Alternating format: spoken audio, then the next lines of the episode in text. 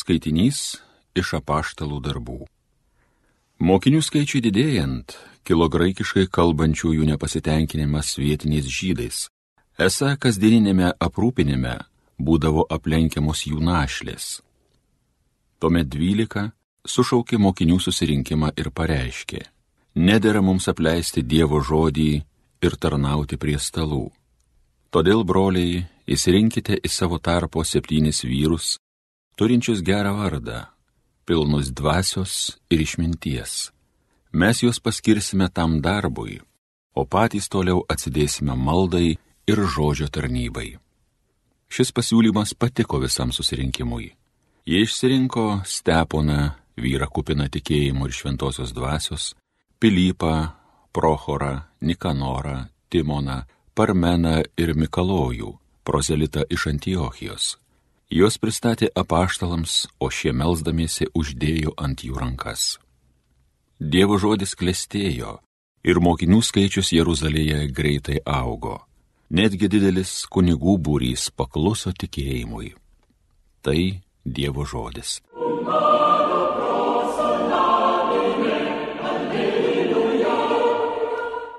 Viešpatie, būkit mums gailestingas, mesgi taip tavim tikim.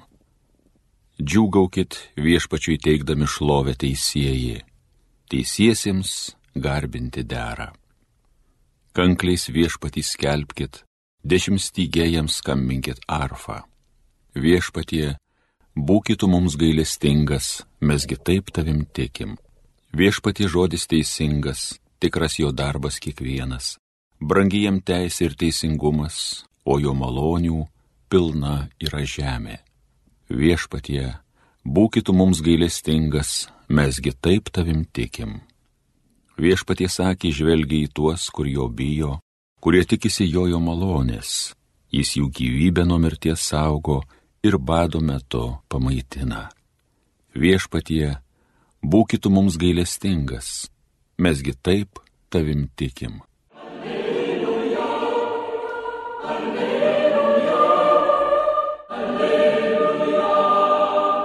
Prisikėlė Kristus, kuris visą sutvėrė ir žmonių giminės pagailėjo.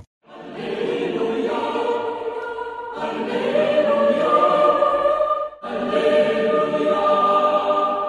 Viešpats su jumis, pasiklausykite Šventojios Evangelijos pagal Joną.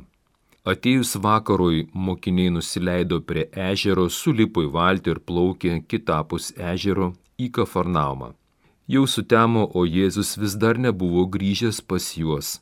Ežeras bangavo, nes pūtė smarkus vėjas. Nusyrę nuo kranto 25-30 stadijų, jie pamato Jėzų einantį ežero paviršimi ir besiartinantį prie valties. Jie įsigando, o jis sako, aš esu, nebijokite. Jie norėjo jį pasimti valtį, bet valtis netrukus prieartėjo prie kranto, į kurį jie įrėsi. Girdėjote viešpatie žodį.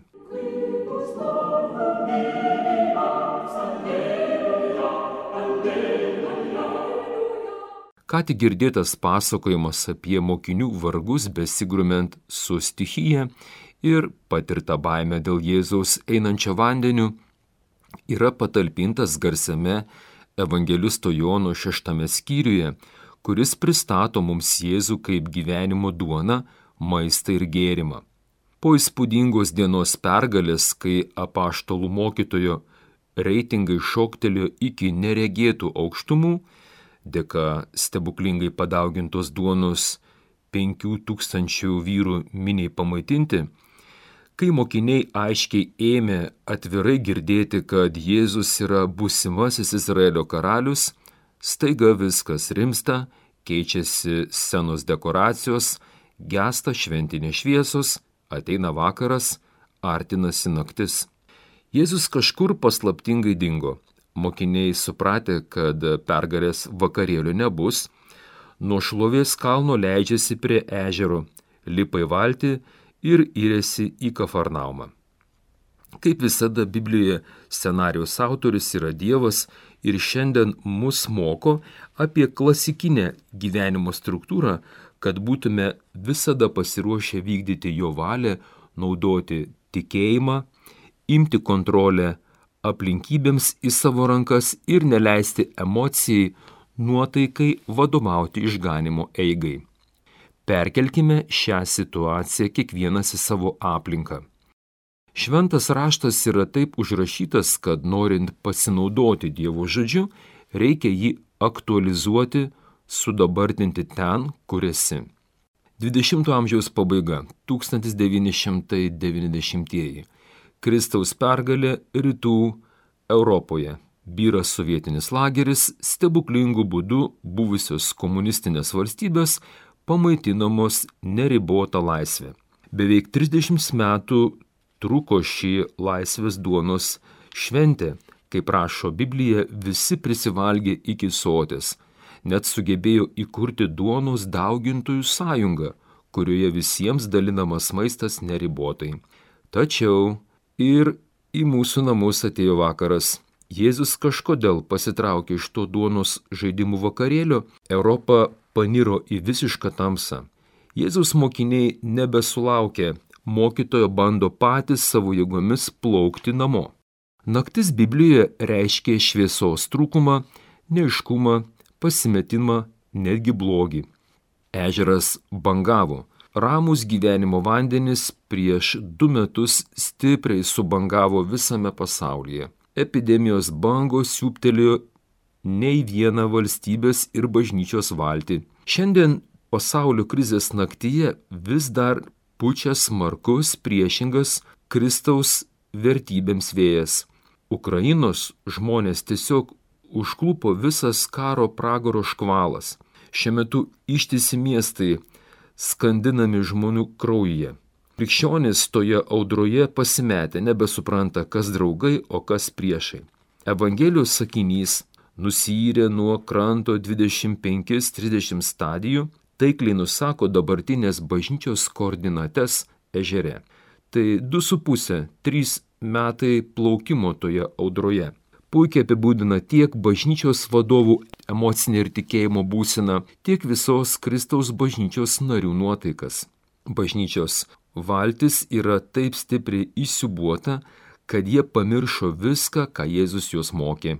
Vietoj to, kad džiaugtųsi išvykę Jėzų einantį virš banguojančio ežero, jie įsigasta. Krikščionis pasidavę emocijai ir audros baimiai nebet pažįsta Jėzus. Šiandien daug kur bažnyčia taip susikoncentravo į audros triukšmą ir nelaimių bangas, kad nebemato pergalingo Dievo žengimo virš tų bangų. Atkreipkime dėmesį, kad jau kilinta savaitė, kaip Kristus prisikėlė, eina pirmą mūsų į Galilėją, į tą Kafarnaumą, daro stebuklus, o mes kasdien kalbam vien apie tą patį - apie karą, krizes ir audros bangas. Šiandien Jėzus vėl mus žadina, drąsina, sakydamas, nebijokite. Jis garsiai tarė savo kaip visagalio Dievo vardą Aš esu, hebrajiškai Jahve, aš niekur nedingau, aš esu su tavimi, aš esu virš visų pandemijų ir karų, aš esu Lietuvoje, aš esu Ukrainoje. Mano buvimas stebuklingų būdų priartina kiekvienu iš mūsų valti prie dangaus karalystės kranto. Brangus broliai seseris, pradžiuginkime mūsų viešpati Jėzų tvirtų tikėjimų ir meilės darbais. Nenuvilkime prisikėlusio Kristos, kaip jisai sakė, ar žmogaus sunus grįžęs antrą kartą bera žemėje tikėjimą. Nepasiduokime emocijai ir pasaulio propagandai. Apašalas Petras, kaip bažnyčios valtės vadas, ragina, būkite blaivus, būdėkite, jūsų priešas velnės kaip riaumojantis liūtas, kaip greudėjanti audra, slankioja aplinkui tykodami ką praryti. Pasipriešinkite jam tvirtų tikėjimu. Pirmas Petro laiškas, penktas skyrius, aštunta devinta eilutės. Mėlyje, neužmirškime, velnio toks vaidmuo - kelti triukšmą, todėl nesureikšminkim dekoracijų, triukšmo. Viešpats mus treniruoja naudoti tikėjimą, valingai ieškoti Jėzaus ir daryti viską, ką jis mums lieps. Šiandien, kaip niekad Europai ir pasauliui reikia tų, kurie skelbia gerą naujieną. Pasaulis išsilgęs Evangelijos kad Kristus prisikėlė, kad iš tiesų prisikėlė, nugalėjo mirti ir gelbėjo kiekvieną, kurie jį tiki. Būkite palaiminti, sudėjau.